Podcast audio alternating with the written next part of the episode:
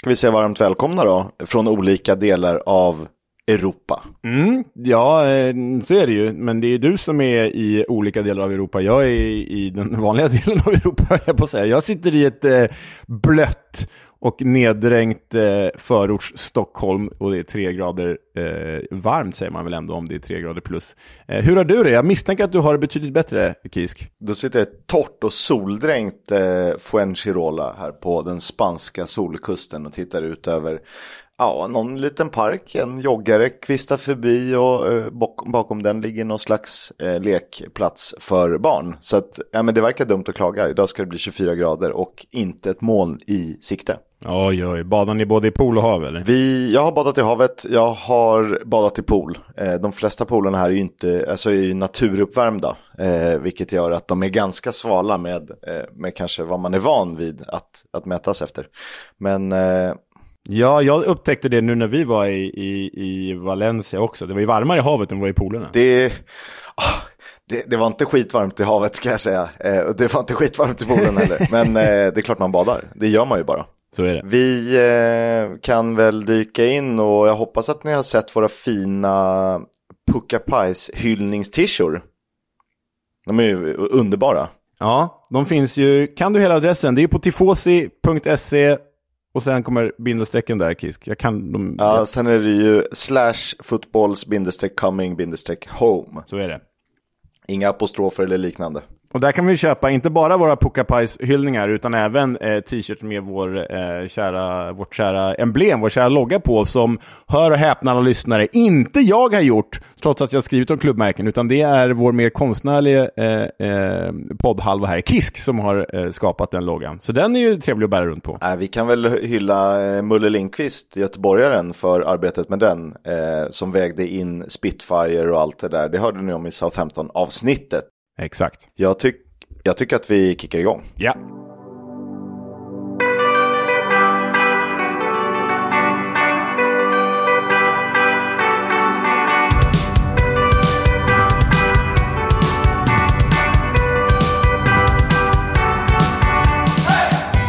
Du lyssnar på Footballs Coming Home, en podcast om Championship League 1 och League 2 med mig, Oskar Kisk från spanska solkusten och Leo Ja, i ett blött jäkla Täby.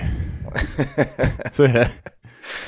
Det, det, det är inte så illa pinkat ändå. Det är Jägersköld och Reinfeldt som är kommunens stolthet. ja, och någon gammal innebandyklubb. Ganska många gamla innebandyklubbar. Mm. Eh, jag tycker vi går rakt på matcherna som har spelats. Och sen ska vi faktiskt ranka lite tränare. Det blir ju typ någon slags power ranking även om... Alltså jag tycker, jag gillar den, den, eh, det epitetet på någonting. Det är ganska bra. Vilka är bäst just nu fast ändå samlat ihop lite eh, status. Ja, nej, men det blir eh, Vi har ju eh, ett par lyssnare som har efterfrågat en, en eh, ranking av tränarna i The Championship just nu. Så det är ju lite synd att Nigel Pearson fick sparken, så att han inte får med på den här listan. Men, men ja, nej, men det, det, vi kommer att berätta mer om den sen när vi kommer dit. Men det, det har vi tröskat och stöpt och blött och sådär. Vi är väl inte helt överens om alla positioner, men det blir kul. Häng med på det. Exakt.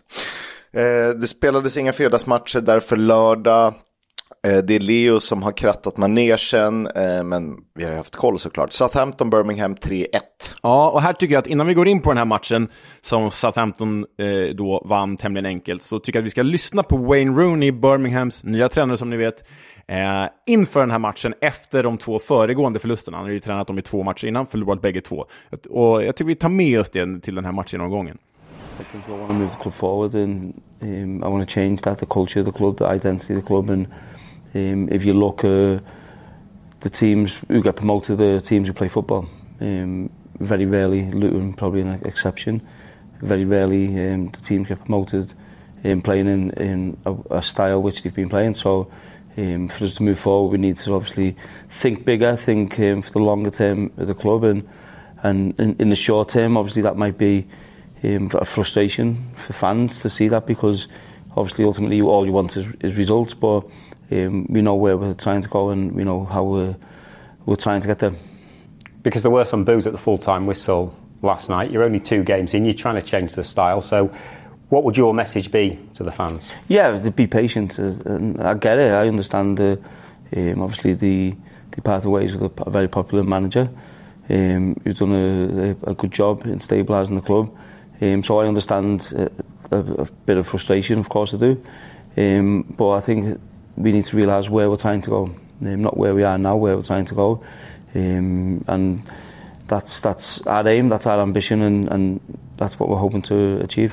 Jag vet inte vad du säger Kisk, att Rooney sitter här och pratar om att det är en lång process och det tar tid att förändra klubben och, eller laget och att man ska spela en mer liksom, intressant offensiv fotboll. Uh, vad känner du kring hela den, hela den grejen? Ska, vad, vad, känner du kring hela det? Liksom? Eh, jag kollar på den här, jag kollar på honom i lite andra sammanhang och det jag slås av första gången är så här, vad fasen hände med den här Wayne Rooney som ägde en fotbollsplan? Alltså du vet, eh, klassiska klippet med, med ett nersläpp där han liksom slaktar, är det två spelare i Hall eller möter de Wolves? Ja, det är något orange lag och han liksom bara du vet, bollen ska bort. Det är nära att domaren sparkas mot hörnflaggan. Alltså, han ägde, det är klassiska situationen när han gör sitt första mål, alltså bara dunkar upp bollar i krysset. Alltså han var en, ett jävla ponduspaket. Och nu känns han lite sådär, vet, tillbakadragen och eftertänksam, fast inte på ett sätt som, eh, som kan verka sådär filosofiskt, som man, som man kan, så bjälsast på något sätt. Utan jag vet inte, det är något, uh, han känns inte som, ett, som det trycket jag vill ha. Nej, han känns ju inte lika... Alltså här, jag uppskattar att den här typen av spelare som du är inne på kan liksom ändra sig och försöka spela någon slags mer progressiv fotboll. Men problemet i det här läget var att Birmingham gjorde ju sin bästa säsongsinledning på jag vet inte hur länge. Alltså, sen typ någonsin inte Championship känns det som. Och så ska man ta in någon som ändrar allt det här. Jag läste en ganska intressant tråd, någon engelsk journalist som skrev om, jag skriver för The Athletic, om just mm, Birmingham-klubbarna. Och eh, hur liksom spelarna bara har gett upp nu, för spelarna var i ett sånt läge att vi kan faktiskt drömma om playoff, vi kan drömma om någonting som den här klubben inte har gjort på, tio, på över tio år. Och så kommer någon in och drar undan mattan för dem och säger nu ska vi göra om allting. Men vi gjorde det så bra. Ja, men vi ska inte göra det bra längre, vi ska göra det på det här sättet. Och eh, det ska tydligen ha lett till ganska mycket oro bland spelarna, för de förstår ju att den här, den här säsongen som kunde bli så bra är ju nu på väg att bli en säsong man kastar bort. För det här blev ju då faktiskt tredje raka förlusten under Wayne Rooney i Birmingham. Ja, ja. Det är klart att eh, en ny prägel kan innebära någonting, men fasen, det känns verkligen som de eh, stod med ena handen på pokalen och så var det någon som bara eh, tog bort handen. Eh, ja, inte pokal då, men om vi säger en playoffplats. Eh, för de hade verkligen någonting på gång och det, nästan så får vi börja bli en repig skiva med eh, John Eustace. Men han har ju fått tid att bygga någonting och nu börjar det äntligen ge lite liksom, eh, effekt här. Ja, och, och, jag vill bara föra till protokollet, alltså Wayne Rooney som tränare, jag älskade ju honom den där sista säsongen i Derby. Fantastisk, han verkar ju väldigt sympatisk bakom hela sin liksom väldigt eh, brittiska, hårda men också mjuka fasad. Eh, men det här känns det känns inte rätt i stunden, det gör det inte. Nej, eh, rätt man på fel plats vid fel tillfälle kan vi väl eh, konstatera. Eh, däremot så, just den här matchen är ganska tuff. Southampton har sex raka utan förlust i och med 3-1 mot Birmingham och börjar ju se ut som det Southampton vi, vi var lite sugna på att hylla inför säsongen som en ja, topp 4 garant. Ja, ja alltså med den här segern så har ju Southampton då 14 av 18 poäng på de sex senaste matcherna. Det är oerhört eh, imponerande. Eh, borde ju dock fått en straff mot sig här när Gavin Basuno var ute och, och, och köttade runt. Så äh, där har de lite tur måste jag säga, men jag tror ändå att de hade vunnit den här matchen. Bara återkomma till Birmingham. Jag vet att det är en liksom, tuff start för Birmingham. Eh, eller för Rooney i Birmingham. Tre matcher på drygt en vecka. Men det blir också tre förluster. Det innebär att på en vecka, Kisk, har Birmingham gått från playoffplats till nedre halvan av tabellen. Och det säger väl kanske mer om eh, Championships jämnhet över mitten än vad det gör om Wayne Rooneys tränargärning. Ja, jo, absolut. Och att det är tufft att, att kasta sig in. Men innan vi, innan vi släpper den här matchen vill jag bara säga att de två kommande matcherna för Birmingham, det är alltså Ipswich hemma och Sunderland borta. Det kan ju mycket väl vara så att det är verkligen inte otroligt att Birmingham torskar de två också. I så fall har Rooney inlett med fem raka förluster. Det känns ju imponerande dåligt. Men, ja, ähm, ja. Man vill, ju, man vill ju inte lasta över på uh, Rooney utan här vill man ju faktiskt skylla på ett uh, svagt ledarskap i liksom ännu högre upp i klubbhierarkin. Uh, som möjliggör den här dåliga, uh, typen av dåliga beslut. Verkligen. Vi går vidare till ett Yorkshire-derby med mål, en målkavalkad och det var ju såklart Leeds som stod för eh, de flesta när de tog emot Huddersfield. Ah, nej, men det här blev ju 4-1 och Crescencio Somerville hade stor show. Ja, man älskar ju det där namnet. Alltså, Nederländska spelare med ursprung i Surinam, det är ju de bästa namnen i världshistorien. Alltså Clarence Clyde Cedorf och och eh, Jimmy Floyd Hasselbank och så vidare. Nej, men eh, stor show från Crescencio Somerville. Han hade alltså två plus två i den här matchen, två mål och sen spelade han ju fram Daniel James till bägge hans mål. Det innebär att Somerville har sex poäng på de två senaste matcherna. Det är ganska bra. Det är sanslöst bra. Honom hade man ju behövt i Gaffer när man... Eh... Ja, det hade man ju. Ja, det hade du. Det hade inte jag. Jag satsade på lite andra spelare. De gjorde i och för sig mål, de flesta av de andra också har gjort. Men eh, här var det ju klar klasskillnad. Och det är rätt intressant. Vi såg ju Nottingham Leeds för ja, ett drygt halvår sedan och då var väl kanske William Jonto den som stack ut mest eh, för Leeds borta mot Forest. Han är ju petad här av eh, trion Somerville, James och eh, Pirou där i centralt lite släpande. Ja, det gör ju att hela den här transfersagan eller liksom transferbråket i somras när han tvunget skulle bort från Leeds liksom det känns, det blir ännu mer pinsamt. Okej, okay, du är italiensk landslagsman, du skulle tvinga dig bort för att du är för bra för the Championship, men nu sitter du på bänken petad av Daniel fucking James. Kom igen. I ett lead som faktiskt går rätt bra och eh, ser ut att, ja, kanske inte kunna utmana toppduon, men åtminstone eh, befästa sig som given playoff eh, etta, eh, alltså tre i serien. Exakt så. Du, Darren Moore, eh, Huddersfield-tränare, han har alltså bara en seger på sina sju inledande matcher i Huddersfield. Eh, kritiseras öppet av fansen som eh, ja, sägs sakna Neil Warnock. Jag förstår att det här är att man gjorde det här valet av att det är mer långsiktigt med Darren Moore än med Neil Warnock, mm, men det har ju inte fallit riktigt väl ut. Sju matcher är ändå, det är ändå ganska mycket. Ja, eh, sen har de väl haft rätt tuffa eh, fighter på sistone också. Eh, men Darnor känns ju, ah, jag vet inte riktigt. Jag vill minnas att jag var lite skeptisk inför det här. Eh, jag tyckte att han kändes bra i Sheffield Wednesday där och då. När det gick bra, lätt att säga såklart. Men att eh, jag vet inte, det är inte skitpoppigt. Nej, det är inte skitpoppigt. Darren Moore är ju på många sätt, jag gillar honom, han verkar väldigt sympatisk. Det finns många härliga klipp med honom liksom utanför planen. Han gör mycket trevliga saker mot eh, Wednesday-spelare eller fans och sådär. Men han känns ju väldigt brittisk i sin tränarstil och även om vi är anglofiler så är det något som man kanske inte riktigt vill anamma. Alltså den här älskar Neil Warnock och så, men den här liksom Harry Redknapp-fotbollen, du får verkligen ursäkta nu Kiss, jag vet att han är hjälte i Spurs, men det är ju det är ju förlegad fotboll i dessa dagar. Ja, eh, där Moore känns som en kille som man vill ha i ledarstaben, inte nödvändigtvis som liksom, ettan, utan som en av två, tre assisterande. Vi får se var han hamnar någonstans i vår ranking som kommer sen. Mm, exakt.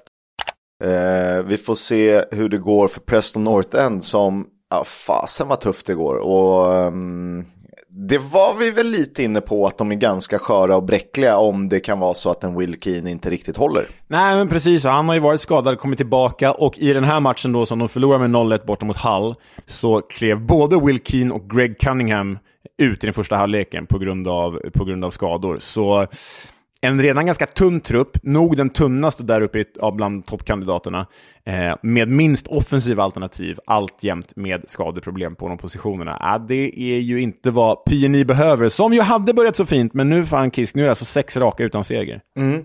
Eh, nu ligger de i nia, de har vunnit sex matcher, kryssat fyra, torskat fyra, har minus tre målskillnad på nionde plats, strax bakom, strax ut, en poäng ut, från playoffplatserna. Här är ju precis det PNI som jag tror vi får se när vi summerar säsongen och jag trodde inför. Inte som ligger trea och som vinner med 1-0 och eh, susar på där bakom, utan precis här utanför. Ja, och det är väl där någonstans de har, alltså allting bättre än typ åttonde plats för dem vore ju en klar överprestation, överprestation skulle jag säga. Men det finns potential där, det har de ju, har de ju visat. Ehm, Hall, andra raka segern. Ehm, svårbesegrade har de ju varit men inte vunnit så många matcher. Andra raka segern och Jadon Philogene med ett drömmål ändå. Mm.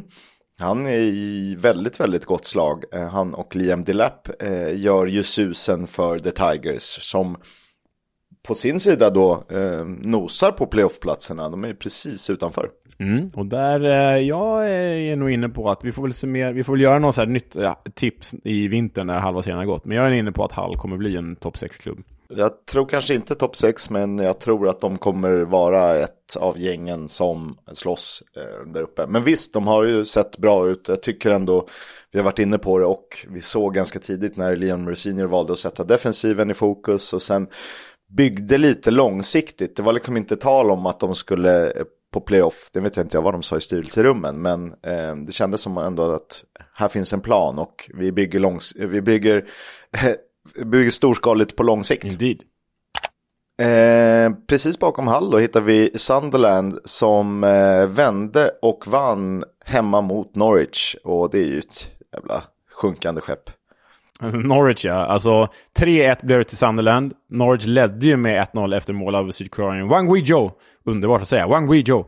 Eh, men lyssna på, lyssna på det här Kisk. Jag gillar ju Norwich, jag vet inte varför jag sitter och skrattar. Men The Canaries har alltså en seger på de åtta senaste. De har sju förluster på de tio senaste.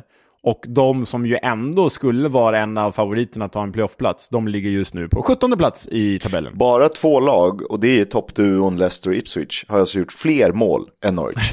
det är också helt Hur kan man ligga på 17 plats med sån offensiv produktion och med Gabriel Sarai-laget? Det är fan otroligt. Alltså. Därför att de har släppt in flest mål i hela serien. Ja, ja herregud. Så går det när man värvar Shane Duffy alltså. Det är bara fy fasiken i helvete. Ja, och vi har ju liksom så här, ah, okej, okay, Jack, eh, Jack eh, Josh Sargent är skadad, absolut. Men kolla det mittfältet. Det är bara för liksom, alltså det ska, de ska bara vara topp 6. Ja, ja. Så här kommer det förmodligen ske någonting. Och det är ju också puffa för vår eh, tränarranking som kommer snart i det här avsnittet. Ja, men det är så konstigt läge för Norwich också. För de har ju alltså en sportchef som aviserade i somras att han skulle avgå efter sommarens transferfönster. Han är kvar, men han ska tydligen lämna nu nästa månad, alltså, eller det är väl nu den här månaden. I november ska han lämna och då ska den nya sportchefen kliva in. Men fram till dess, det är om ett par veckor, fram till dess undrar man, vem fattar besluten här? Är det läge att göra så med David Wagner eller inte? Ska, ska, vem, ska, det liksom nya, ska den gamla sportchefen fatta ett beslut innan nya kommer? Eller har han ens mandat att göra det? Och om han gör det, tar han in någon då som den nya sportchefen inte alls vill ha? Och så har vi problematiken då att den här nuvarande sportchefen är han som tog David Wagner till Huddersfield. Och där gick det ju jättebra. Men jag menar, där finns det säkert också lite, de kanske är lite mer än bara arbetskamrater, om du förstår vad jag menar. Eh, så är det nog. Eh, alltid speciellt det där. Eh, vissa bärgar ju för eh, att sportchefsrollen är den absolut viktigaste i fotbollen, eh, andra inte. I vissa fall är det jag är, jag är inte så svart eller vit. Ibland behövs det verkligen en sportchef. Eh, men det är risk att eh, det, alltså sportchefen blir klubben eh, på många sätt. Eh, Bosse Andersson i, i Djurgården till exempel. Eller Monchi var i Sevilla för länge sedan. För länge sedan, men särskilt förut. Eh, så att det är speciellt det där. Eh, vi får hoppas att sportchefen drar och att de reder ut det här för eh, nog fasen ska de vara med och spela playoff. Sandland då, Jack Clark, stor, stor showkisk, mål på straff och spelade fram Dan Neal och om jag räknade rätt så har han alltså typ fyra spelare runt sig när han hittar Dan Neal med den där passningen. Nej, eh, Jack Clark, jävla hjälte. Om det alltså. stämmer så var det hans första assist för säsongen om jag kollar, läser rätt statistiksajt på korrekt sätt. Eh, han har ju nio fullträffar. Mm, eh, en av poängkungarna. Cardiff Bristol City var ju ett Sevenside derby. Det var också eh, Cardiffs sätt att visa att man var storebror över sundet. Ja, nej men det var ju en väldigt enkel 2-0-seger för eh, The Bluebirds här. Perry NG som engelsmännen säger, eller Perry Ng, satte 1-0 efter en dryg halvtimme och Rubin Colwill talangen som vi varnade för i guiden avgjorde definitivt på stopptid. Men jag tänker Kisk att när vi ändå har en spelare som heter Perry som gjort mål då tycker jag det är läge för att hylla den tragiskt bortgångne Matthew Perry som ju spelade Chandler Bing i eh, Vänner, Friends. I can't call her. I left the message. I have some pride. Do you? No. what the hell are you doing? Hey, what's, what's going on? Well, I think, I think Ross knows about me and Monica. You can say All This isn't so bad. I like the flowery smell. And we never agreed to anything other than his bail. Let's deal with this later. Okay? It wasn't rude to ask, but I've never seen a place like this before. Big enough for two people, you think? Call it in here. Heads. Heads it is. Yes. We have to assign heads to something.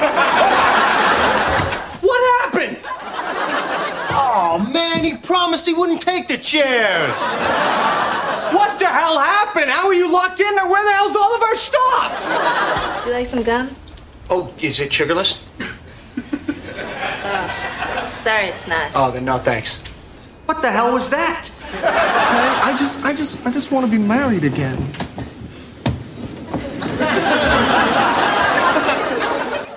I just want a million dollars. Och den var väl lite inkuppad sådär Kisk. Jag vet inte, jag växt, du och jag är lika gamla i princip. Jag växte upp med, med vänner med Friends förstås. Och eh, jag har inte sett om det som många har. Men jag älskade det då och jag älskade kanske framför allt karaktären Chandler Bing. Vad, vad eh, betyder Matthew Perry för dig? Eh, jag har egentligen ingen relation så till vänner. Det var aldrig någon favoritserie eh, hemma hos mig eller för mig eh, på något sätt. Eh, så att det är ju naturligtvis tragiskt. Och det är en person som har följt den, eller som man har följt under uppväxten. Men eh, ingen sån att jag är vänner-fanatisk. Det finns andra serier som eh, som jag rankar högre. Eh, men det är klart att det är en av de stora komediserierna. ingen sagt. Jag är mer Team Seinfeld då. Om man måste jämföra de två, eh, New York-miljö och så vidare. Just det. Vi får, eh, vi får ranka eh, sitcoms från 90-talet i ett annat avsnitt. Men eh, nej, mycket tragiskt. Jag bara kände att det var läge att klämma in en Perry-koppling där i alla fall. Så vila i frid, Matthew Perry. Om man, eh, om man mår dåligt kan man ju prata med människor. Eh, det hoppas jag att man vågar göra, öppna sitt hjärta och så vidare. Verkligen, det eh, behövs. Eh, För Cardiff ser det ju desto ljusare ut. Eh, De klev ju med den här segern upp på playoffplats. Mm, och det är deras bästa form sedan säsongen 1920. Så oerhört imponerande jobb av Errol Bulut som eh, vi kanske inte riktigt trodde på inför den här säsongen. Och detta blev ju faktiskt Nigel Pearsons sista match som tränare för The Robins. Han avyttrades, fick sparken, hade ju utgående kontrakt efter säsongen. Eh, Så nu letar ju Bristol City efter en ny manager och den kommer säkert att utses medan vi sitter och gör det här avsnittet. Klassiker, det kommer säkert utses tre, fyra nya managers i alla möjliga olika klubbar.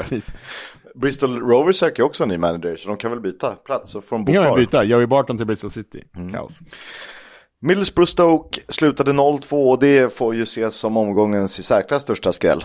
Ja, alltså Borough hade ju sex raka segrar och så tar de emot Stoke och torskar med 2-0. Och då ett Stoke som dessutom är utan Mark Travers, målvakten som återvänt till Bournemouth, blivit återkallad. Så istället var det Jack Bonham som stod istället. Det är inget fel på honom, men Mar- Mark Travers är en av seriens bästa målvakter, så det är ändå ett tapp för Stoke. Ehm, nej, imponerande av The Potters nu alltså. De har eh, tagit nio poäng på tre matcher. Då har de alltså mött Leeds, Sunderland och Middlesbrough. Det är ju eh, sanslöst bra. Men så fort vi börjar hylla och liksom eh, peka på Alex Neil som en bra tränare, då vet man ju att det vänder. Så är det. Ja, nej, så är det ju verkligen. Så vi, eh, jag är ju ganska dämpad i min entusiasm kring Stoke, men det här får man erkänna var ytterst imponerande. Och sen svenskt eh, bidrag faktiskt. Haksabanovic med hörnan till Michael Rose 1-0. Mm. Roligt att han fick eh, göra en assistpoäng såklart. Eh, Dwight Gale tillbaka i spel för Stoke. Ni vet han som lyckades ha en typ 46 matcher lång svit utan att göra mål och sen gjorde någon mål. Och sen har han inte gjort så mycket. Han har inte gjort mål igen, så den sviten är typ ännu längre nu. Men han var petad i typ en månad och så var han tillbaka och hyllades i alla fall i brittisk press. Ja, det var väl eh, bra det. Blackburn Swansea slutade 0-1. Eh, Leopold Wahlstedt i mål för Rovers. Eh, kunde väl inte göra så mycket på Liam Callens segermål. En vacker pärla. Vacker pärla och eh, det ska ju bli spännande att se vad som händer när Ainsley Pierce är tillbaka för Rovers. Hoppas att Wahlstedt får fortsatt förtroende. Eh, Blackburn, eh, ganska... Eh, det var inte så oväntat, jag hade ändå 1-2 på, på stryket här, men, men ändå första förlusten efter tre raka segrar. Och tvärtom för Swansea då, som vann igen efter två raka förluster. Eh, lite oklara lag de där två, om man har dem någonstans. Ja, eh, det är väl inga, inga eh, givna spikar som Leicester eller Pompey, eh, för att nämna någonting, i League One. På tal om Leicester idag, eh, det var väl inget snack borta mot QPR? Nej, det blev ju 2-1, även om det var sent avgörande dunderbalja av Harry Winks. Eh, av alla personer. Men eh, dessförinnan hade ju Steffi Mavididi gett Leicester ledningen. André Dossell hade kvitterat för QPR innan han själv blev utvisad i den 60 minuten. Och det här blev ju då alltså sjätte raka förlusten för QPR. Åtta raka utan seger för The Hoops. Och sista matchen för Gareth Ainsworth som tränare. Det är ändå lite lustigt om man följer QPR i sociala medier för de har ju hyllat honom som en legend, vilket naturligtvis blir fint och liksom tackat för, eh, tack för dina insatser. Men eh, det blir ju kul när man precis har sparkat honom. Eh, lite sådär eh, dubbelmoral. Ja, de skrev ju typ eh, eh, Gareth Ainsworth har fått lämna sitt jobb som tränare, men han är alltid välkommen tillbaka hit på hedersläktaren typ. ja, eh, Killer Darlings kan vara jäkligt nyttigt ibland. Ja, verkligen. Men du, Leicester Kisk, 13 av 14, alltså 14 matcher, 13 segrar. Det är ju bara snabbspola alla Leicester-matcher och så kan vi bara sätta dem i Premier League, för vi vet ju att det är där kommer sluta. Ja, nu ska mycket till. Vinner de nästa match, eh, givet bottentrions eh, svaga poängskörd, så lär de väl ha säkrat kontraktet i alla fall. ja, det lär man ju. 15. Och vinner de nästa, då har de tio raka segrar och det är tangerat rekord i The Championship. En, ingen klubb har någonsin vunnit mer än tio raka eh, matcher i The Championship. Så börjar väl bli dags. En till tangerat, två till så slår de rekordet. Fint att Harry Winks fick göra mål. Han, eh, han har en hyfsad bössa, men han eh, använder den alldeles för sällan tycker jag. Ja, men han är ju lika skjuträdd som Albin Ekdal, men är ju inte lika... Eh, o, har inte lika svag bössa som Albin Ekdal om vi säger så. Så kan vi säga. Eh, QPR letar ny manager efter den här förlusten, sjätte i ordningen. Ipswich eh, hakar ju på. De vägrar ju släppa spindelnätet upp till Leicester, men de har en liten bit upp. Och i nykomlings fighten mellan eh, Town och Plymouth Argyle så vann de 3-2. Ja, och då vände de ju underläge för det är Morgan Whittaker som gav gästande Pilgrims ledningen. Men Ipswich vann ju med 3-2 som du säger, deras nionde raka utan förlust. Och då ska man då tacka målvakten Gladki som var, stod för flera, flera fina räddningar när eh, när det närmade sig slutet. Men eh, hans fina räddningar gjorde, och fina insats gjorde att Harnets kunde avgöra med sitt 3-1 mål. Och nu har jag en katt och en råtta i halsen här. Eh, det verkar dumt att ha en katt och en råtta i halsen. Då kan det bli lite rörigt. Eh, Whittakers 1-0 mål, ja. jätteträff. Sen um, ja. Joseph Edwards sköt in 3-2 men det var ju bara för protokollet. Ipswich eh, fjärde raka segern va? Mm. Ja, de är, de, den där traktorn mullrar på. Eh, Watford Millwall 2-2 en jävligt oklar tillställning. Ja, verkligen. Det var ju 1-0 efter 7 minuter till Watford, kvitterat efter 12 minuter Millwall och så gick det en hel match. Och sen gjorde Millwall 2-1 i 85 innan Mileta Rajovic kunde kvittera på stopptid för Watford. Äh, men eh, jag vet inte riktigt vad man har om de här lagen heller. Millwall är ju fortfarande utan ersättare till Gary Rowett. Men två mål på tre matcher för Yasser Aspria i Watford i alla fall. Och eh, Sian Fleming verkar äntligen ha hittat formen när, nu när Gary Rowett försvann. Ja, eh, han kanske blev låst på något sätt eller kände att de hade nått vägs ände. Men det är en spelare som måste fungera. Och Alltså, de behöver behålla honom och han måste fungera. Annars eh, kommer det här Millwall att få det lite tufft. För han blir ju kreativa länken eh, framåt. Och han är målskytten också, obviously. Exakt. Ken Sema startade matchen. Eh, kul att Kalmar-föredetting Rajovic fick göra mål igen. Det har väl gått ett par matcher sedan hans senaste fullträff. Mm, men ändå lite svensk prägel på det där gänget. Det, det uppskattar man ju faktiskt. Vi hade en match på söndagen. Det var ett derby. Det var inte tv-sänt. Visste du det? Uh, nej, det visste jag inte. Nej, det gick i alla fall inte på någon av dem. De delar väl, Championship-avtalet går väl hand i hand med Premier League-avtalet. Så att de delar mellan flera eh, mediehus va? Just det. Och eh, den här matchen var inte en av dem, vilket gjorde att den inte var eh, visad då i Sverige, utan gick ja, att se via typ iFollow Sheffield Wednesday. Men det kan man ju få på spanska solkusten, för här finns det ju pubbar. Men eh, in stapplar jag typ 14.01 och frågar, hej, visar ni matchen mellan Sheffield Wednesday och Rotherham? Man är så här, okej, varför kommer en svensk och frågar efter matchen mellan Sheffield Wednesday och Rotherham? Han bara, ja, men jag håller på att fixa det. Eh, just den här sändningen verkar hacka lite. Eh, jag tror inte det var på helt eh, lagligt sätt. Eh, okay. Men det är väl så det funkar. Um, så att sändningen dök igång ungefär 43 minuten så vi fick kolla på West Ham Everton istället var det väl. Um, och sen var han tvungen att fråga efter ett tag, men varför vill du se den matchen? Det är så här fyra Premier League-matcher. Aston Villa spelade, Liverpool mötte Nottingham Forest va? Just det. Uh, så det var ganska bra Premier League-fotboll och så berättade jag om podden. Så han, kul, roligt. Hälsa Viktor. Precis. Äh, fan. Ändå kul att det, det ändå finns kvar sådana här derbyn. Det här betyder väl mer för Rotherham än vad det gör för Wednesday. Men kul att du ens kunde se den, Chris. Det, det, det uppskattar man ju. Man tänker sig någon, jag förstår att det säkert var en engelsk bartender, men det är väl kul om det varit en spansk bartender. Echefield! Sheffield Sheffield. Wednesday. Wednesday. Nej men eh, alltså, sändningen kickade igång typ i 38 eller något sånt där. Gick ner igen 43.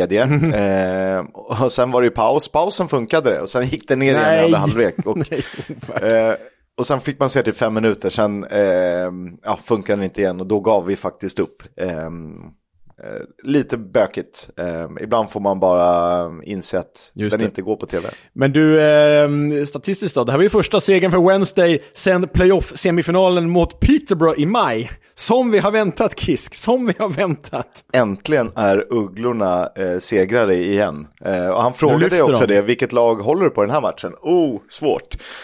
Jag vill inte säga, ja men podden håller på Sheffield Wednesday, fast vi är ju lite kompisar med Victor Johansson och han är svensk så att vi vill att det ska gå bra för honom. Eh, men Fast egentligen håller jag på Tottenham här med England. Eh, Jag orkade inte dra hela den utläggningen. så att jag vet inte. Det är, något... ja, men det är väl kul om det blir kryss och Victor Johansson får hålla nollan och Sheffield Wednesday gör en bra match. Typ så. Ja. Eh, men du, alltså som de har väntat och som man liksom... Börjar man tro lite nu? Det tog tre matcher, sen vann Röhl sin första seger här. Nu är det ju mot, förlåt Viktor om du lyssnar, men nu är det mot Rodham som ju kanske är seriens sämsta lag på pappret i alla fall. Ehm, så ska de vinna någon gång så är det väl nu Wednesday. De kanske inte vinner någon mer match på hela säsongen. Men ehm, man börjar tro lite kanske. Gör man det? Eller är jag väldigt optimistisk nu? Eh, du är väldigt optimistisk, men jag förstår lite vart du vill komma. Michael Smith gjorde ju två mål. Det är inga, det är inga dunderpärlor alla Harry Winks, men vad fasen, ska man vara en fox in the box så ska man vara där. Dessutom, eh, Goldelex, släkten är värst. Ja, alltså han gick ju upp med Rotherham till The Championship. Lämnar dem när de gått upp till The Championship för att gå till Sheffield Wednesday League One. Så det är ju väldigt speciellt att han kommer tillbaka då och gör mål på Rotherham.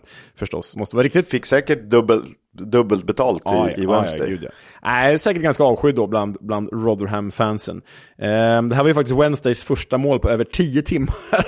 det är det är fan helt sjukt. Riktigt sjukt. Ja, det är helt sjukt. Victor Johansson fick inte jättemycket hjälp från sina försvar. Jag tycker inte han kan lastas för något av målen och eh, han hade nog behövt lite mer hjälp där i, i defensiven. Så är det. Det spelades ytterligare ett derby om man så vill i Midlands. Eh, gick det av stapeln då mellan Coventry och West Brom eh, på måndagen. Det gick ju att se för det var tv-sänt, den matchen såg jag. Eh, ganska trevlig fotbollsmatch där eh, Coventry eh, spelade väldigt mycket bättre fotboll, men där Corberans effektiva sätt att bedriva en verksamhet verkligen visade sig med ett kompakt lag, livsfarliga i kontringarna. När det liksom Diangana och Thomas Asante med flera vänder spel, då går det fort som fasen, då gäller att vara med. Ja, och Baggis med den här 2-0-segern då eh, befäster sin playoff-position. Men statistiken är kisk. Avslut 15-7, fördel Coventry. Bollinnehav 65-35, fördel Coventry. Och alltså om det inte vore för att Hadji Wright inte kan hitta nätmaskorna så har ju Coventry både 1 och 2-0 i den här matchen. Men ehm, Eh, exakt så är det. Alltså mycket mycket bättre eh, genomförd fotbollsmatch eh, spelmässigt. Eh, om man då ska, liksom, ja, men de rör sig i kortpassningsspel. Men det jag tycker de saknar, det är ju faktiskt ett hot framåt. För den här matchen så startade ju Hadji Wright bredvid han eh, japanska anfallaren, eh, som jag nu tappade namnet på bara för det. Eh, och det är liksom så här, det händer mycket men inte tillräckligt. Eh, Sakamoto heter han. Eh, och han har ju inte gjort målen, Haji Wright har ju bara gjort två på 14 matcher. Sen kom Ellis Sims in, han har också bara gjort två. Hade de haft Jökeres i den här matchen, helt övertygad om att man hade vunnit. Eh, sen visst, det här är ju bra han- spelare. Alltså Hadji Wright är ju en bra anfallare. Han har ju levererat i en liga bättre än The Championship. Eller Sims har ju levererat i den här serien för bara ett år sedan. Jag fattar inte varför det inte går ihop. För de spelar, alltså det jag har sett av Coventry, det är ändå typ fyra matcher nu den här säsongen och sen alla highlights.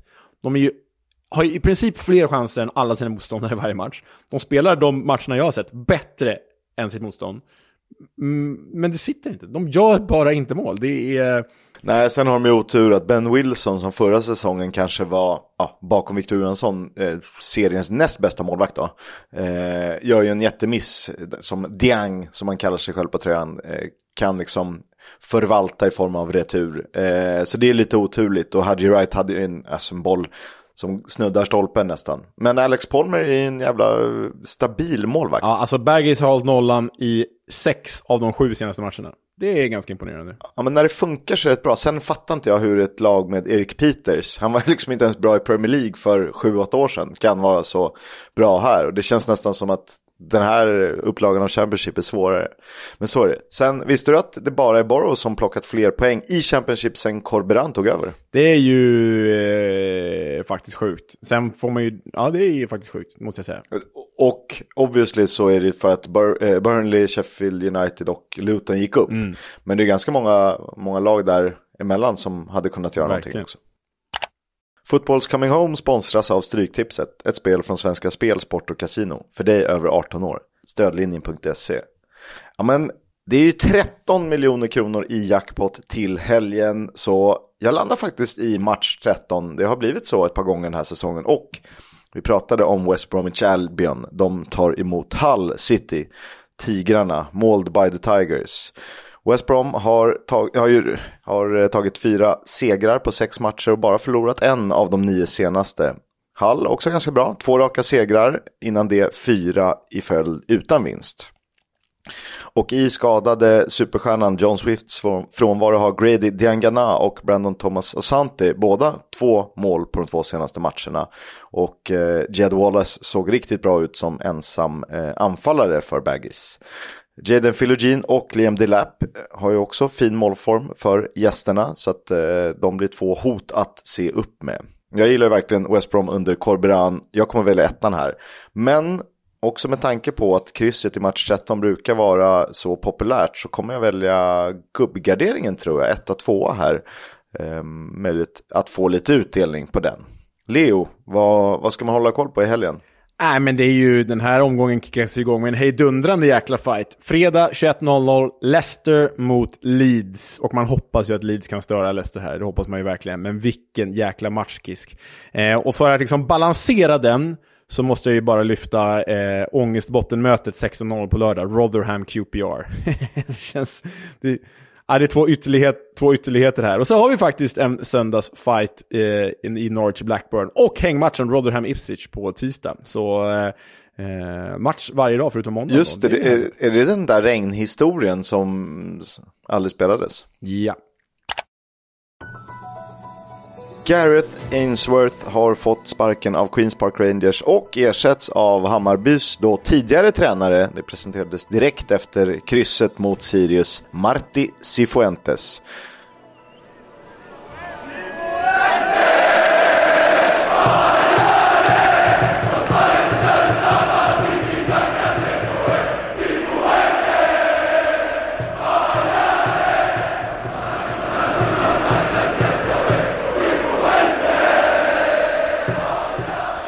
Det, det, det, det måste ju sägas att det är en ganska träffsäker ramsa. Eh, vi får väl skriva om det med. ja, hoppas att QPR tar med sig den. Det Alltså. kan man hoppas. Säger någonting med QPR och eh, från, från Bayern till, jag vet inte, västra London. Men det är svårt på engelska kanske.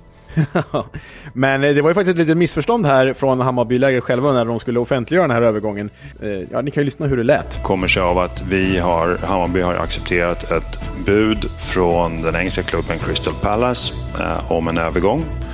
Och, oh, sorry, Queens Park Rangers, sorry. Eh, och det, det, Det är Så allsvenskan är ju så långt ifrån europeisk toppfotboll ibland. Även om svenska lag då ibland lyckas kvalificera sig för europeiska gruppspel. Det är ju för jävla charmigt. Det är charmigt, men jag blir också lite förorättad. Fan, man måste kunna skilja på Crystal Palace och Queens Park Rangers alltså. Det är, jag vet att det finns många fotbollsintresserade människor där ute som inte gör det, som typ inte har den blekaste om vad QPR är för någonting. Men fan, jag blir lite förbannad ändå. I all Ja. sin enkelhet. men du, vad säger du om det här då, Kisk? Ainsworth borta, det är vi väl båda överens om att det var ju toppenbra att han försvann. Men Cifuentes, när det alltså var starka rykten om eh, eh, Neil Warnock, vad, vad, vad har du för känsla? Det är två ytterligheter. Eh, sen vet man ju inte, det kan ju vara placerade rykten och så vidare. Eh, jag känner väl inte att det är någon jättewow med Cifuentes. Det har ju varit upp och ner i Hammarby.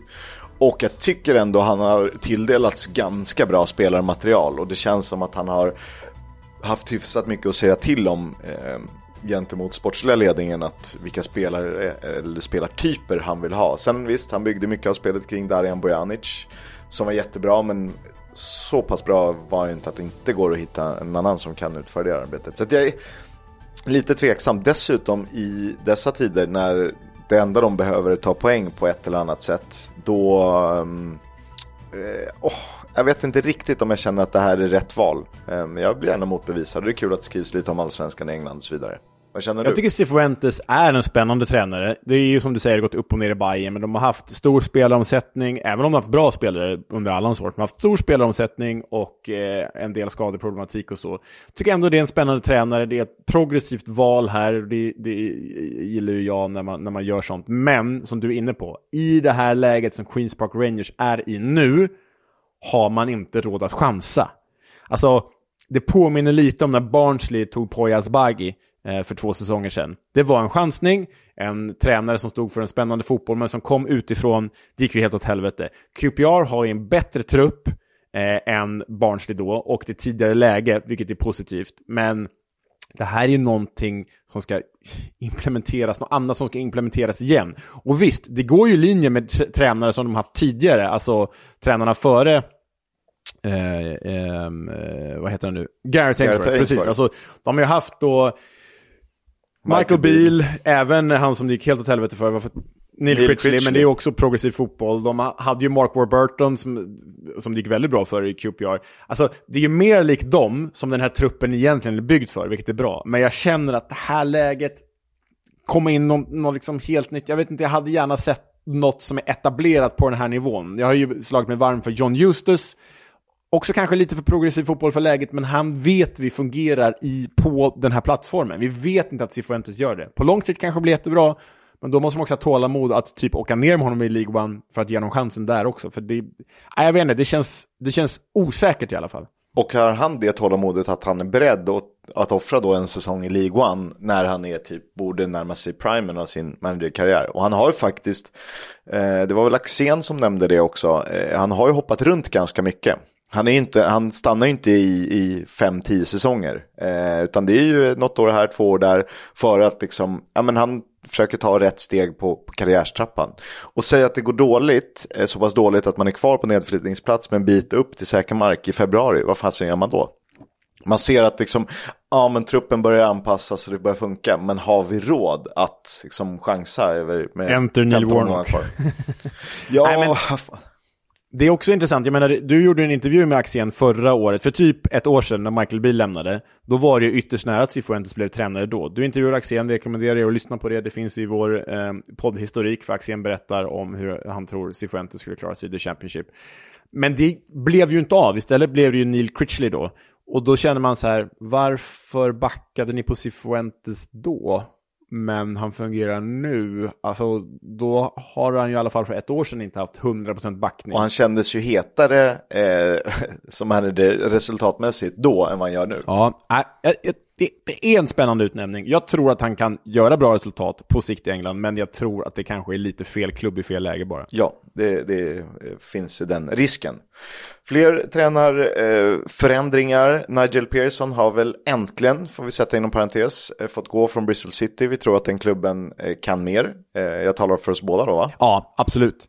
Eh, och där nämns ju de troligaste ersättarna vara de med lägst odds. John Justus, tidigare i Birmingham, Gary Rowett, tidigare i Millwall och Nathan Jones, ni vet eh, Luton succé, men Stoke och Southampton flopp. Om du får välja en av de Kiski i Bristol City, vem väljer du då? Eh, jag väljer, eh, ja, men jag tror John Justus skulle kunna göra någonting. Det känns som de har en ganska framåtlutad trupp, ganska modernt anpassad trupp som inte funkar riktigt med Nigel Pearson. Där han, ja, kanske inte riktigt var rätt person. Eh, så jag nämner John Eustace för jag vill ha en, annan tränare på ett annat ställe. Mm, jag eh, går emot det då och säger Gary Rowett. Jag tror att han kan göra ett eh, nytt Millwall av Bristol City, komma 8-15 säsonger i rad. Mm, liksom. för i Millwall som ersättare till Gary Rowett nämns ju Kevin Muscat. Men jag läste så sent som igår kväll, det här är säkert ändrats nu medan vi spelar in.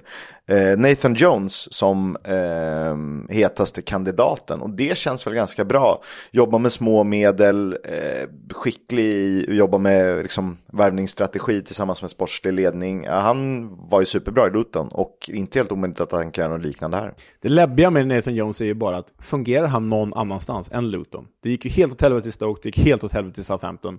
Ja, men det var... Sa- Stoke, det kan han beskyllas för, men Southampton, det var ju fel från alla håll och kanter. Det vet jag inte riktigt vad de tänkte. Rätt för Luton visade det sig eftersom de tog Rob Edwards och gick upp. Verkligen. Ja, det blir spännande. Skulle vara kul med Kevin Muscat också, för det är en arg jävel. Man gillar ju arga jävlar. Ja, det man. Eh, Birmingham rycker i den kontraktslösa venezuelanska landslagsmannen och tidigare MLS-anfallaren Josef Martinez. Han hade ju helt ruggiga siffror i Atlanta United, alltså typ så här 70 mål på 75 matcher. Eh, inte varit så bra i Inter Miami senast och inte lyckats i Torino när han var där dessförinnan. Men eh, det är ju ett namn med amerikanska kopplingar givet Birminghams amerikanska ägare. Ja, tänk om man kunde få igång en sån spelare. Skulle ju kunna göra 20 plus mål. Kanske inte nu så här sent, men ehm, 12-15 i alla fall. Vi nämnde det tidigare, Bristol Rovers har sparkat Joey Barton. Han var femte managern att få sparken i League One sedan säsongen började och i Championship är den siffran 6. Och sen har vi en eh, sista deppig nyhet och det är ju att eh, Thank you Mr. Chansiri, alltså Sheffield Wednesdays eh, ägare, Depon Chansiri, han har gått full on Mad Max här nu och gör verklighet i sitt hot mot fansen. Vi rapporterade för några veckor sedan att eh, han var förbannad på kritiken från fansen och sa att han inte längre skulle skjuta till pengar till klubben. Det var ju ett långt statement, ett långt pressmeddelande från klubben som gick ut då. Måste vara väldigt märkligt för en typ eh, eh presschef att sitta och skriva ihop det där. Hot mot fansen. Och nu gör han verklighet av det, för det är ju nämligen så att eh, Sheffield Wednesday har ju ögonen på sig från IFL vad det gäller deras ekonomi. Och om de inte betalar, rätta mig fel här nu Kisk, 200 000 pund innan 30 november så kommer de att drabbas av ett transferembargo. Ehm, ja, och med eventuellt högre straffsättning än så. Men det är det minsta vi vet i alla fall, att det är ett, straff, med ett transferembargo. De... Ja, det börjar med transferembargo, eh, sen kommer det poängavdrag och eh, ja, andra böter och skit. Och det Chansiri har meddelat då, han kan ju eh, utifrån sina tillgångar faktiskt betala de här 200 000 punden. Men det han har sagt att jag kommer inte betala de här pengarna, det är upp till er eh, allihopa, att, alltså fansen, att betala det här då och rädda klubben ur den här situationen. Och om ni bara är, eh, vad sa han, 200 stycken som betalar 1000 pund var, så sa han va? Ja, någonting sånt. Eller om det var Ja, två, om ni- eller var, var det Ja, typ om ni är tio? 2000 som betalar 100 pund var, så sa han ja. Exakt. Om ni är 2000 som betalar 100 pund var, då kan ni eh, rädda den här klubben, för jag kommer inte göra det. Alltså, Så jävla pajas. det är Ursäkta språket. jävla galenskap. Han håller ju klubben som, som Gisslan. gisslan. Ja, men det här är ju någon jävla Dr. No-figur liksom, eller Goldfinger som har kontroll över Fort Knox-reserverna. Nej, det är...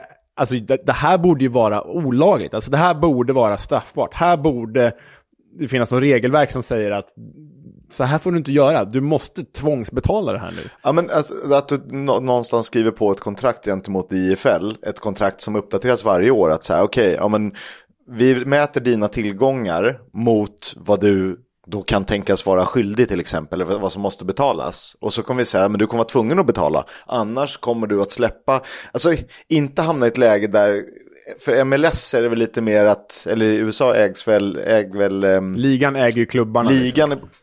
Ja exakt. Och lite att, men att kanske att ligan har kontroll över klubbarna på ett annat sätt och har möjlighet att gå in och att, att den hamnar i någon slags positiv förvaltning om inte sådana här skojare eh, betalar det de ska eller gör det, det som Nej, krävs. men det här är ju...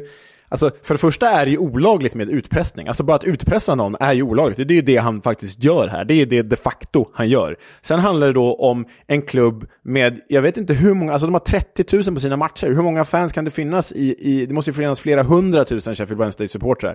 Och dessutom, det är arbetstillfällen. Alltså det är folk som jobbar i den här klubben som kommer bli drabbade. Att det är...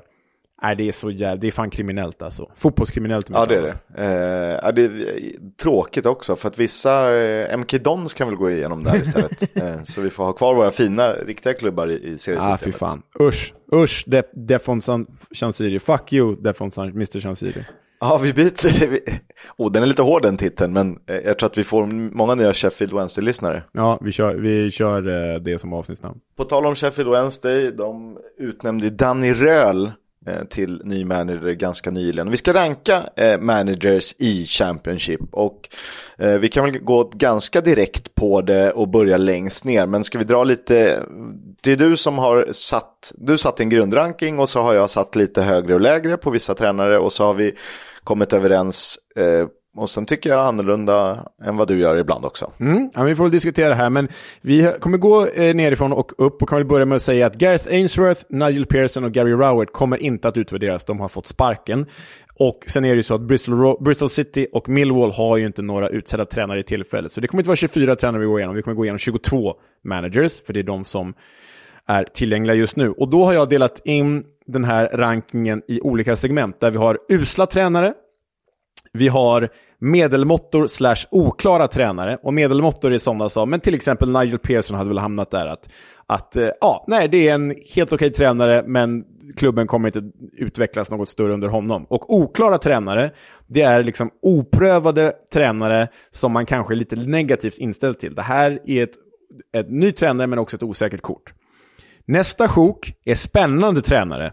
Spännande, eh, tränare som är unga, gjort resultat och som man ser en framtid för. Liksom. Så, de behöver inte vara unga, men ganska nya på den här nivån i alla fall.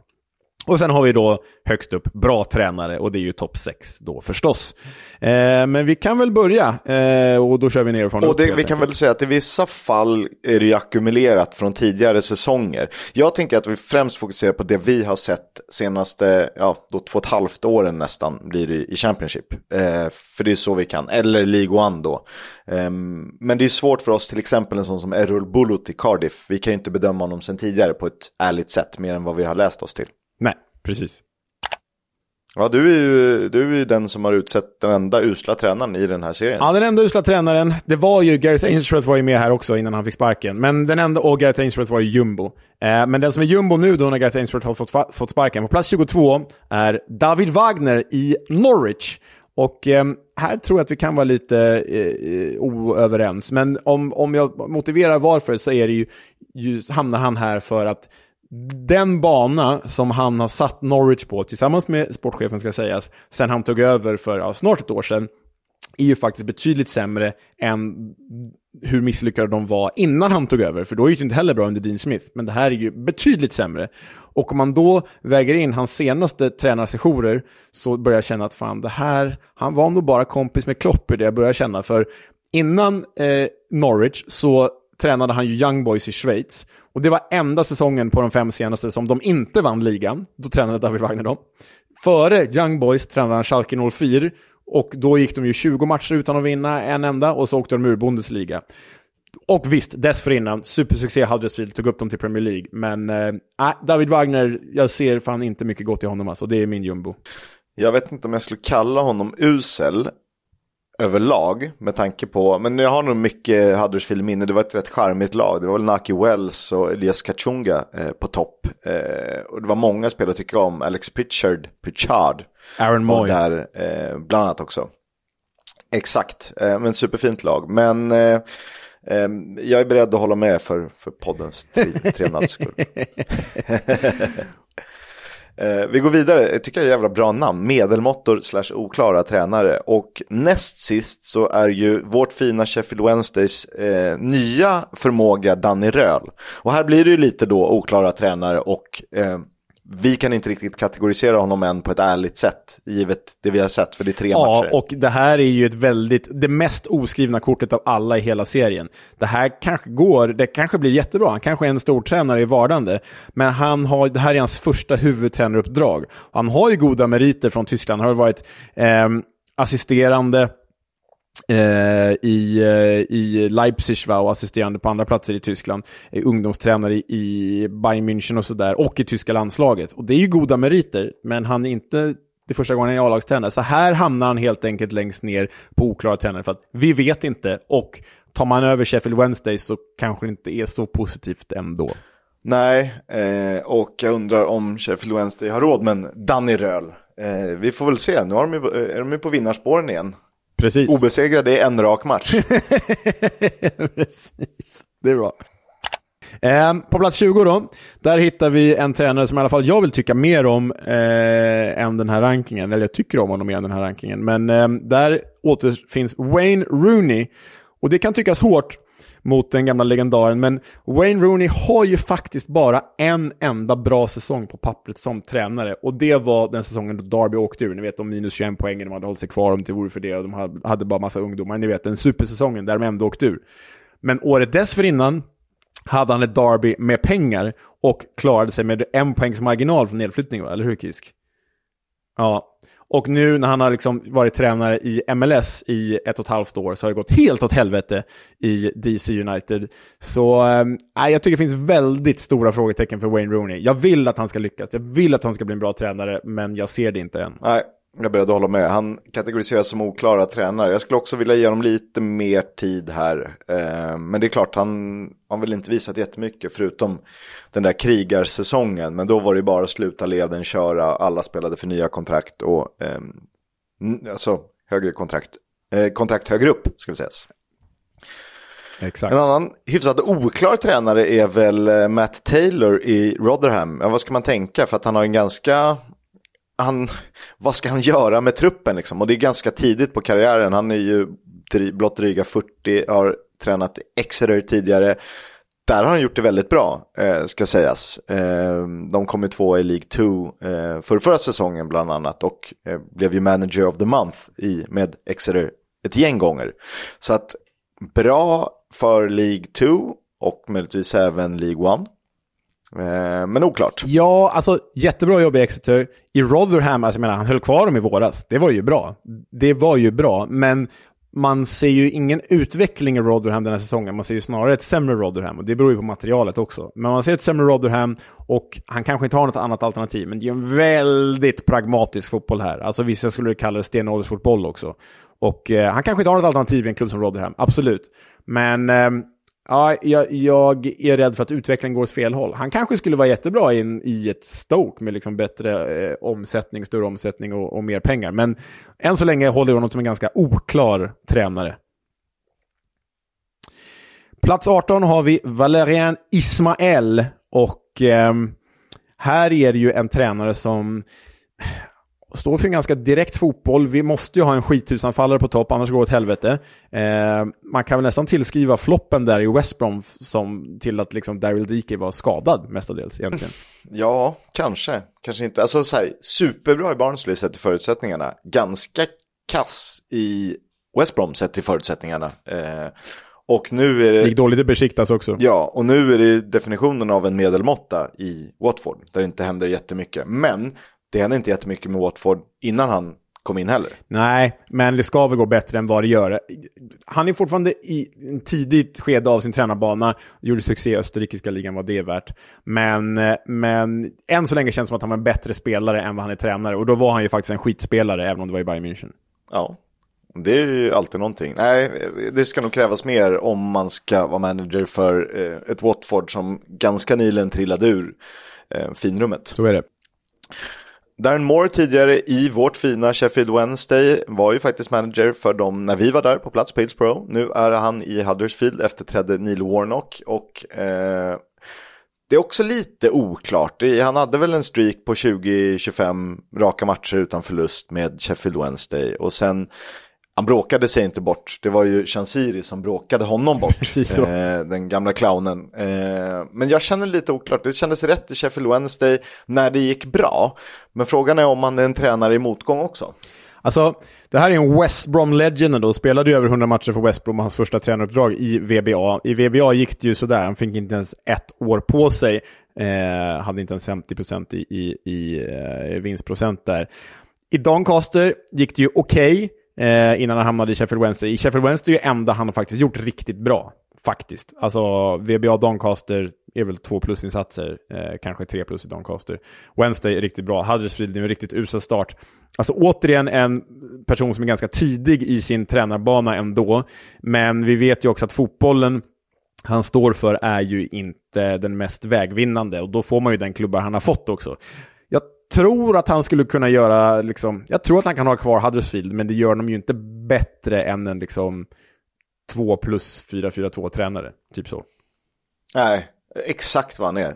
Det är 2 plus. Det är, det är, det är väl godkänt i, i betygssättningen. Man klarar sig kvar, eh, men det kommer inte gå framåt så mycket. Eh, men sådana tränare är ju bra om det finns också. Ja, ja, verkligen. Och eh, på tal om det då, så kommer vi till den sista eh, medelmåttan slash oklara tränaren, plats 16. Här kanske jag är lite hård, men eh, vi har då landat i eh, Alex Neil som ju varit runt en del. Han har ju tränat Norwich, han har tränat Preston North End, han har tränat Sunderland och nu Stoke. Stoke har han ju inte alls levt upp till förväntningarna. Sunderland tog jag faktiskt eh, upp till the Championship, men det var ju en vår... Alltså, jobbet var ju nästan redan gjort där.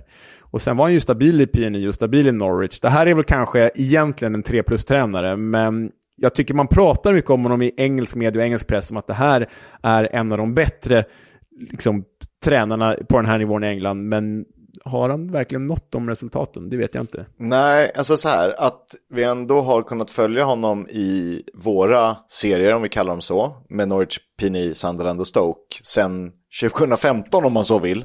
Eh, och eh, lägger honom som överst bland medelmått och oklara tränare säger väl ganska mycket om hans prestationer. Det är fortfarande lite så här oklart hur, hur stark han egentligen är som manager. Och eh, sen är det så här, han är ju fan 42 och har tränat nästan 10 års tid. Eller har tränat. Ja, det är ju faktiskt, det är otroligt. Alltså, man, man är ju till exempel då sju år yngre än Darren Moore. Det säger eh, en hel del. Nej, men det, det, det är lite oklart. Han, han är väl 2,5 plus då, om man så vill.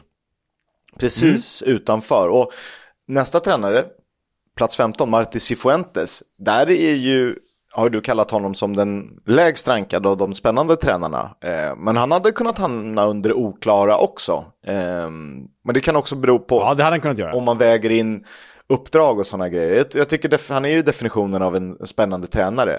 Men det är risken att det landar vid spännande tränare för att han liksom kan surra sig till rätt saker.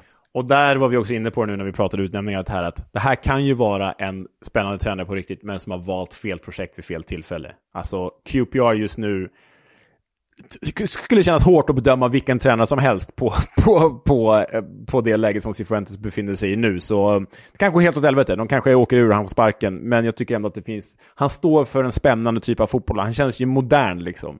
Om man får säga så i de här sammanhangen. Sen behöver det inte vara bra. Det gick åt helvete för Asbaghi till exempel. Exakt. Plats 14, fortfarande spännande tränare. Michael Duff i Swansea. Nordirländaren som eh, hade en väldigt tuff start i Swansea. Nu börjar det gå bättre. Han kommer väl leda dem till en mittenposition. Det är väl ungefär vad man kan kräva. Har ju gjort det väldigt bra i Barnsley. Alltså de var ju en, en playoff, på en säsong eh, nådde han ju playoff-finalen där och den borde de ju egentligen ha vunnit mot Watch Wednesday. Och dessförinnan stor succé i Cheltenham Town där han också är player legend. Eh, jag tycker Michael Duff är riktigt spännande. Mycket rotationer på positionerna, offensiv fotboll, det går snabbt som tusan. Eh, jag skulle, hade nog gärna sett honom i en klubb med bättre förutsättningar framöver, för jag tror att det hade kunnat bli riktigt spännande.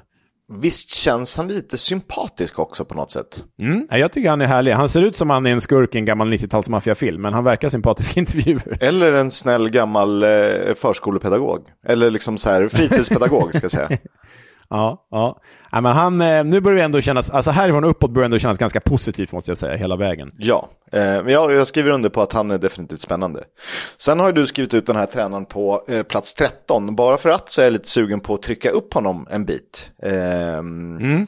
Och i den här kategorin spännande tränare skulle man vilja säga, det här ser jättebra ut. Eh, men det skulle kunna ännu, eh, se ännu lite bättre ut. Jag vet inte riktigt vad, eh, vad man ska kalla den här. Det är Ryan Lowe i PNI som ju gör det stundtals. Alltså det, det, är lite för mycket upp och ner för att man ska trycka upp honom. Men jag tycker till exempel att han är bättre än den du har på plats 10. Men det är ju eh, det är detaljer. Satte ju defensiven kanon förra säsongen. Eh, släppte väl inte in mål på två år typ kändes det som. Nej men de gick väl... glömde, offensiv, glömde offensiven dock. De hade de inte 2-0 i målskillnad efter sju matcher eller något sånt där helt sjukt. Helt sjukt. Eh, så det, det, är klart att han har ju någonting. Sen jobbar han med ganska förhållandevis små medel ändå och ligger strax utanför playoff. Och jag tycker att stundtals ser det super, super bra ut med inte överdrivet etablerade spelare. Så jag gillar ju Ryan Lowe. Jag tror att på sikt kan det bli eh, en riktigt, riktigt eh, bra manager högre upp. Han är 45 så han är inte lastgammal heller. Eh, gjorde det bra med Plymouth innan det. Ehm, så att, jag tror mycket på honom, men jag, håller med om att han fortfarande är kategorin spännande. Alltså om man jämför honom med Steven Schumacher, Plymouth nu, som vi inte kommit till än, eh, så känns han ju som en lite mer nedtonad Schumacher. Lite mer, eh, liksom håller defensiven och, och står för det st strukturerade. Eh, det jag kan känna med Ryan Lowe att han saknat det sista steget. Han hann ju egentligen aldrig genomföra det i Plymouth eftersom att PNI värvade honom. Och så har han inte riktigt kommit dit med PNI än. Men eh, den här säsongsinledningen var ju bra fram till nu då. Nej, men det här är en spännande tränare. Känner också, precis som, eh, precis som vi sa med Michael Duff, att en klubb med lite bättre förutsättningar och mer pengar, ja, det hade varit väldigt spännande, säger Ryan Lowe. Då har vi kommit till tolfte plats, Errol Bulut, och det här var ju verkligen ett oskrivet kort. Hade vi gjort den här rankingen eh, inför säsongen, då hade ju Errol Borlut stått på medelmåttor slash oklara tränare. För precis som Danny Röhl, vi hade inte en enda jävla aning alltså. Så. Och nästan gränsen till usla tränare givet att det inte alltid har gått spikrakt uppåt. Nej, det har ju varit väldigt blandade resultat i Turkiet. Totalt misslyckande i Fenerbahce till exempel. Ehm, desto bättre i Gaziantep spår det var det va? Ja, precis. Ehm, Och sen nej. har han en cupfinal i Alanyaspor också. Ja, nej men eh, det han gjort i Cardiff, bara på det här inte ens halvår som har gått, det är ju, alltså förutom, förutom, ja men förutom det Ipswich och Leicester vi sett den här hösten så har ju Errol Bullut gjort den största tränargärningen de här månaderna, skulle jag säga, att föra Cardiff dit de är just nu. Eh, sen vet man ju Ja, inte... så han har en 27-årig Perry Eng som, alltså fan, eh, vi måste prata om honom som säsongens spelare hittills. Alltså han ska nämnas i kategorin Jack Clark, eh, Dewsbury Hall, eh, Somerville etc. Ja, ja, men, ja, men faktiskt. Det, men det, man, det, det som gör att jag liksom sparade lite på krutet här och inte satte honom på typ sjunde plats, utan istället tolfte, det är att Paul Ince hade Reading på femte plats i serien för ett år sedan. Så, så vad Paul Ince gör, det, det är alltid så jämförelse. Ah, Okej, Ryan Lowe är skit för att Paul Ince var dålig i, efter egentligen. Och han var bra en kort stund. Ah, nej, men det är bara så här, det kan gå fort. i Det här är kanske en bubbla som spricker snart. Men i nuläget så känns ju Errol Bullet jävligt spännande. Så. Nästa känns också spännande. Han är ju mer, eh, som jag tänker så här, fan han har gjort det skitbra hittills av det vi har sett. Eh, men han skulle kunna få ut lite mer. Det är Liam Rosenior som ju har är hyfsat ny i manageryrket. Eh, leder ju Hull City, satte defensiven kanonfint, nu börjar ju offensiven trilla på. Eh, de har ju inte splashat cashen än som det känns som han ägaren Akon Ilicali faktiskt har tillgång till. Ehm, är ändå ganska smart på transfermarknaden. Eh, Rosenior, tummen upp. Han är alltså bara två år äldre än mig. Det är för fan, jag får ångest. Men sen är jag lite, jag är lite så här, jag hade nog satt honom högre än nästa tränare faktiskt. Ja, alltså... Jag hade nog satt tian på plats 13 till exempel och lyft upp Bullet Low. Mm. Ja, jag får väl motivera den då. Jag bara, det jag säger om Rosinior är att han känns ju som att det var han som var hjärnan när han var assisterande till Wayne Rooney i Derby. Så. Lite Ja. så. Tionde plats, där har vi dansk. Vi har Jon Dahl Tomasson i Blackburn. Eh, och eh, jag vet att du är lite avigt inställd till den här. Jag tycker ändå att i Malmö så gjorde han det man kunde förvänta sig och mer. Han tog dem till Champions League liksom. Det är ju, eh, det är ju så bra som det kan bli för en svensk klubb. Eh, och eh, vann väl även titlar i MFF. Alltså han gjorde verkligen, verkligen jobbet med MFF. Med guldstjärna till och med skulle jag vilja påstå. Eh, vann allsvenskan två år i rad. Och sen i Blackburn, alltså de var ju vad var det? En, nej, de var målskillnad från playoffplats i våras. Trots att spelet såg dåligt ut, trots att XG talade emot dem, så var de ändå målskillnad från playoffplats i våras. Det tycker jag det är nästan fjolårets prestation som tränare i ligan, skulle jag säga. Ja, kanske. Eh, tog han dem verkligen till Champions League? Kanske var Europa League i och för sig. Kan ha Eh, varit i, eh, Europa Ute i Europa League. var de i alla fall. Det var de. Han, eh, var han manager när de tog sig till playoff i Europa League eller var det någon annan? Ah, jag kommer inte ihåg. Eh, De slog, här, bla bla bla, de slog ut Ludogorets Rasgrad. Eh, ja, Champions League tog han dem till. Slog ut Rangers och Ludogorets Rasgrad. Ja, det gjorde den. Just det. Just det, det var den Ja. säsongen. Ja, men det är ju givetvis hatten av. Det är ju liksom mer än man ska kräva från en manager i allsvenskan. Eh, sen är det fler som har gjort det med eh, Malmö FF eh, för att föra till protokollet. Nej, men jag vet inte. Jag tycker att det är lite så här, hur länge ska det få se dåligt ut på pappret och ändå inte uppnå resultat, några jättestora med Blackburn innan eh, innan man kan börja ifrågasätta. Och samtidigt, eh, jäkligt fint arbete med ungdomsakademin och har liksom inkorporerat alla eh, stora talanger de har på ett väldigt bra sätt som många andra inte lyckas med. Norwich till exempel. Jag får göra en jämförelse med en tränare som jag vet att du gillar.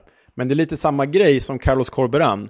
Han tog ju Huddersfield, visserligen ännu längre då, tog ju dem till playoff-final, men där XG talade emot dem så in i helskotta. Och så nu har han West Brom uppe på playoff, trots att XG talar emot dem också. Det är lite samma typ av tränare ändå. De, spelet ser inte så jäkla bra ut, men de får ändå ut någonting av det. Så. Mm. Mm. Jag hade haft dem lite längre ner, men eh, helt klart fortfarande kategorin spännande tränare eh, är han. Den mest spännande av alla spännande tränare är väl Russell Martin, för det har vi inte en aning om vad vi ska tycka, för att det är en jävla massa bollar att ha och så hur bra resultatet har, och sen går det dåligt och han vann derbyn i Swansea som ingen annan hade gjort. Eh, slaktade ju Cardiff över två säsonger och nu börjar det komma på rätt väg Southampton. Han kanske trots allt är rätt i rätt miljö, men där har vi verkligen liksom snackat om att få ut lite av väldigt mycket. Eh, så det är någonstans eh, motsatsen där, kan man säga. Ja, men verkligen. Alltså, får bara Russell Martin ordning på sin, på sin naivitet, då är jag övertygad om att, han, att vi har honom på nästa ranking här i topp 6, alltså bra tränare. Eh, men nu är det ju så, de har ju kastat bort lite onödiga poäng i Swansea, även i, när han tränade då MK Dons då, och sen nu i Southampton. Det, det är lite för, ja men som Wenger var ett tag, det är för troget modellen. Och det kan straffa sig liksom. Eh, börjar han variera sig lite och inte vara lika naiv, då tror jag absolut att vi har en, en Premier League-tränare i vardande här. Helt klart. Ja. Åttonde plats, Steven Schumacher. Eh, ja, alltså nu blir han ju bräckt av en annan tränare och det går ju inte fantastiskt med Plymouth, det går helt okej. Okay. Men han tog ändå ett Plymouth med inte särskilt stora resurser, det fanns flera i League One med, med bättre förutsättningar. Tog han upp, han vann väl till och med serien med dem. Och nu har han ändå gjort avtryck i i The Championship. Offensiv progressiv fotboll, lita på de unga spelarna, det går fort som fan, det är kul att se. Sen kan de drabbas av att truppen är för tunn och att de kanske är lite för naiva, men Steven Schumacher, åttonde plats. Ja, men tränare som eh, förespråkar en offensiv, kreativ fotboll ska man ju alltid hylla, tycker jag. Det, det hör ändå sporten till. Verkligen. Eh, på plats sju, högst upp av de spännande tränarna, hittar vi enligt din lista Carlos Corberan. Jag är nästan beredd att trycka upp honom över till nästa kategori, bra tränare. Eh, han får väl inte plats i, i topp 6, men tycker fasen han är en bra tränare. Sättet han jobbade med Huddersfield, relativt små medel kan vi kalla det. Eh, smarta värvningar, smarta spelare på planen. Eh, hur han har gjort det med West Bromwich som ju är en vilande storklubb eh, för nivån tycker jag ser superbra ut. Han, ja, han, det är bara Borough eh, under Carrick som har tagit fler poäng sedan Corberan varit i West Brom. Och visst, det har ju varit tre lag som har eh, flyttats upp. Men eh, han är ju en playoff-lagstränare. Eh, vi får väl se om det räcker hela vägen. Gör det det så är han ju definitivt. Om vi kommer tillbaka om ett år och han har eh, löst en topp 4-placering, då är det kanske en annan ranking. Ja, men det tror jag verkligen. Bielsa-skolad också. Tycker man inte ser riktigt ändå, eh, om jag ska vara ärlig. Men eh, Bielsa-skolad är alltid ett plus. Ja, det är det helt klart. Nu går vi in på topp 6 då, de tränare som vi rankar som bra. Och sjätte plats, Tony Mowbray. Och här är inte ungt och lovande längre, det här är gammalt och grådassigt. Men man får säga att jobbet han gjorde med Blackburn, släppte fram ungdomar, liksom gjorde Ben Brereton Diaz till en superstjärna. Eh, ah, ni, ni, vet ju det han gjorde i Blackburn. Hade de framskjutna positioner. Sunderland tappar Ross Stewart, ändå släpper fram massa ynglingar, gör, en, ja, men gör Jack Clark till seriens bästa spelare och tar Sandland till playoffplats som nykomling trots att det går rykten om att klubben ska sparka honom. Jag tycker det här nog inte bara är en bra tränare, jag tycker det här kanske är seriens mest underskattade tränare också. Det skulle det kanske kunna vara. En, ja, det är väl inte så konstigt att inte prata så mycket om en Tony Mowbray typ i Sverige eh, såklart, mer än av oss. Men jättebra också så här kan jobba med spelare i olika kategorier, olika åldrar, kan ta in gammalt, eh, kan eh, jobba med väldigt ungt som har visat. De har väl en snittålder på 21 i startelvan, eh, vissa matcher till och med under. Nej, Tony Mowbray är jättebra såklart. På femte plats då Michael Carrick i Millsbro. Ja, det började ju lite tufft. Sen gick det svinbra. Och nådde väl nästan hela vägen får vi ändå säga samma den här säsongen började riktigt tufft. Sen såg det kanonbra ut och nu ligger man strax utanför playoffplatserna. Inte riktigt. Man är väl på eh, den övre mitten eh, och jag tror att det kommer ju lyfta eh, på sikt. Det är bara en tidsfråga för att han har verkligen någonting. Dessutom blev han ju av med Chubakpom, seriens bästa spelare förra säsongen med vad det var, 29 mål eller någonting. Eh, dessutom tappade han ju Archer och Ramsey tillbaka från lån som man hade tillgång till under våren. Men de har fortfarande hittat något och det, de har inte någon jättetrupp. Man ramlar inte av stolen men eh, han får ju igång spelare. Han får ju en spelare som Matt Crooks att se riktigt bra ut. Eh, jag gillar Free Crooks men eh, ett exempel bara. Mm, nej, men det här känns ju, det här känns ju rätt och det här känns ju givet hans klubbhistorik. Så kommer han bara fortsätta så här så har vi honom i en av hans gamla klubbar som tränar i Premier League i framtiden. Jag Kanske tänk- inte Manchester United som första steg, men liksom West Ham. Jag tänker att det här är ju typexempel på nästa förbundskapten. Eller nästa, det är ju Ja, svårt för att han ja. är kanske tio år bort, men minst. Men Ja, men absolut. Han, han kom, precis. Mm, den är bra. Det är en bra spaning. Fjärde plats, då tar vi oss till Tyskland till Kevin Bades stora glädje. Ehm, Ja. och då är det tysken Daniel Farke i Leeds som beskylldes lite för den här kaotiska säsongsinledningen. Det var ju verkligen inte hans fel. Han Fasen vad det lät som du var en, en Yrrol-karaktär där när han, eh, åh vad heter han, Peter Dalle spelar eh, österrikare, eh, Wunderbaum. Ja, Den, ja. Daniel Farke. Wunderbaum. Daniel Farke, jag är norsk. Wunderbaum, inte det eh, österrikiskt? Nej. Wunderbaum. norsk. Död åt Topsy, Död åt alla Död lederhosen. åt alla lederhosen. Jävla dumt. nej, men Farke, han har alltså vunnit The Championship två gånger med Norwich. Sen har han åkt ur Premier League med dem också. Och så gick det sådär i Gladbach här emellan. Men tycker redan man ser här på hösten att eh, det, det här Farke-boll är ju liksom... Jag ska inte jämföra med Johan Cruyff, men det, är mycket, det går fort som fan och det är mycket positionsbyten. Eh, och det är underhållande att se och det är faktiskt vägvinnande. Nej, jag tycker Daniel Farke är en jäkla topptränare och jag tycker att han förtjänar chansen i Premier League igen, Ja, faktiskt. eh, bara rätt förutsättningar. Men han, sen har han ju ja, topp tre-trupp här, garanterat. Och kollar offensiven så, ja, det vet fan, det är inte många som slår dem, men då är det nog topp två. Ja, ja, gud ja, verkligen. Eh, italienskt på plats tre, Enzo Maresca i Leicester City, serieledande Leicester som har stormat fram i serien som eh, en ångvält, 13 segrar på 14 matcher. Nog fasen ska han vara på topp två. Nej, inte när Leo får rösta, för han ska alltid smyga in någon eh, gammal grådassig farbror där. Enzo Maresca har fått att se jättebra ut med Leicester. Precis som Leeds har de en supertrupp till förfogande.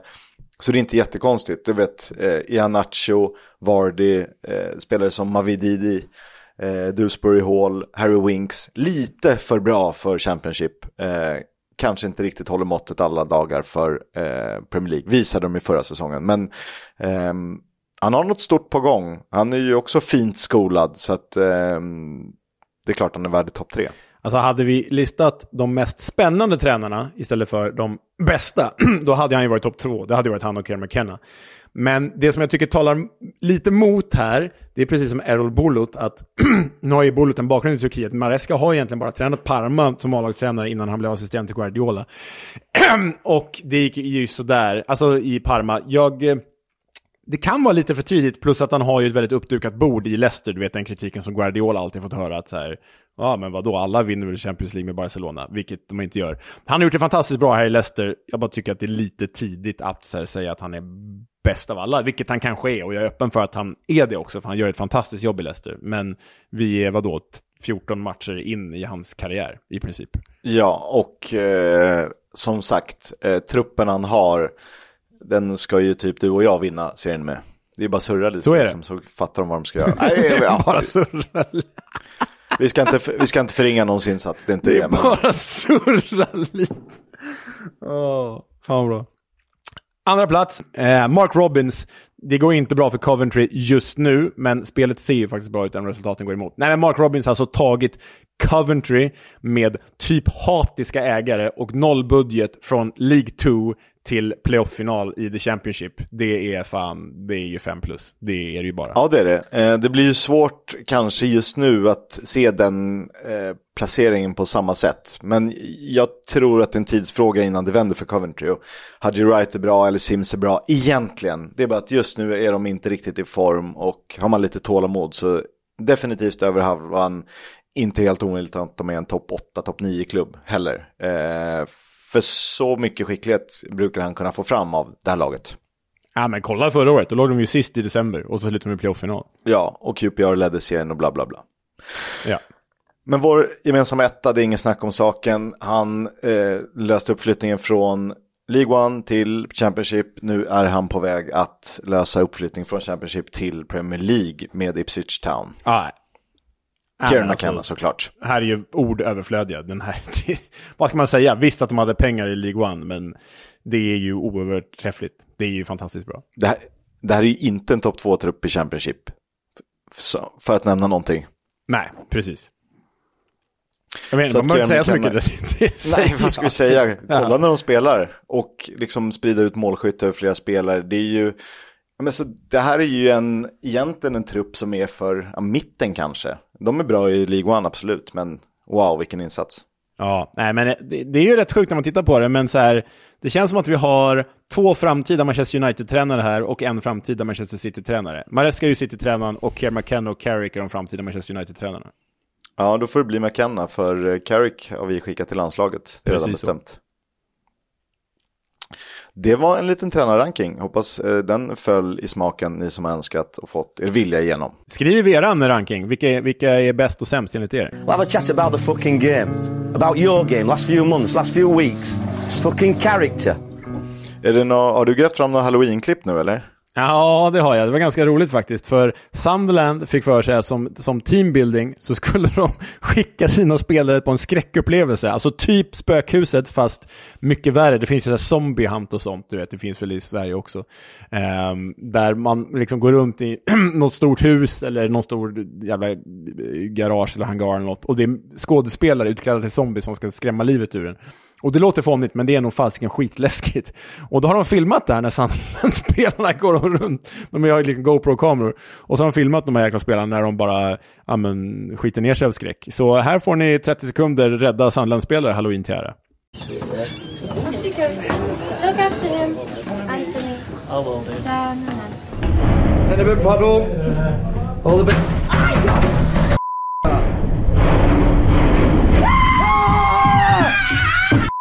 Stop.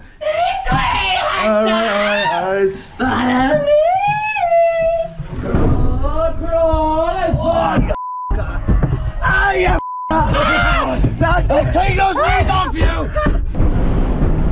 Ah, you Ja, det är bra. Lite, lite för att pigga upp. Man själv känner sig eh, skräckslagen. Ja, Halloween. verkligen så. Verkligen.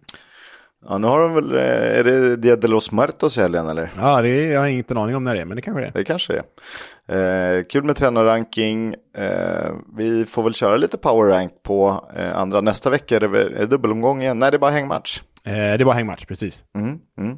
Då, eh, ja, fasen kom med önskemål. Vi brukar besvara dem. Exakt. Tack för idag. Hej, hej. Ciao.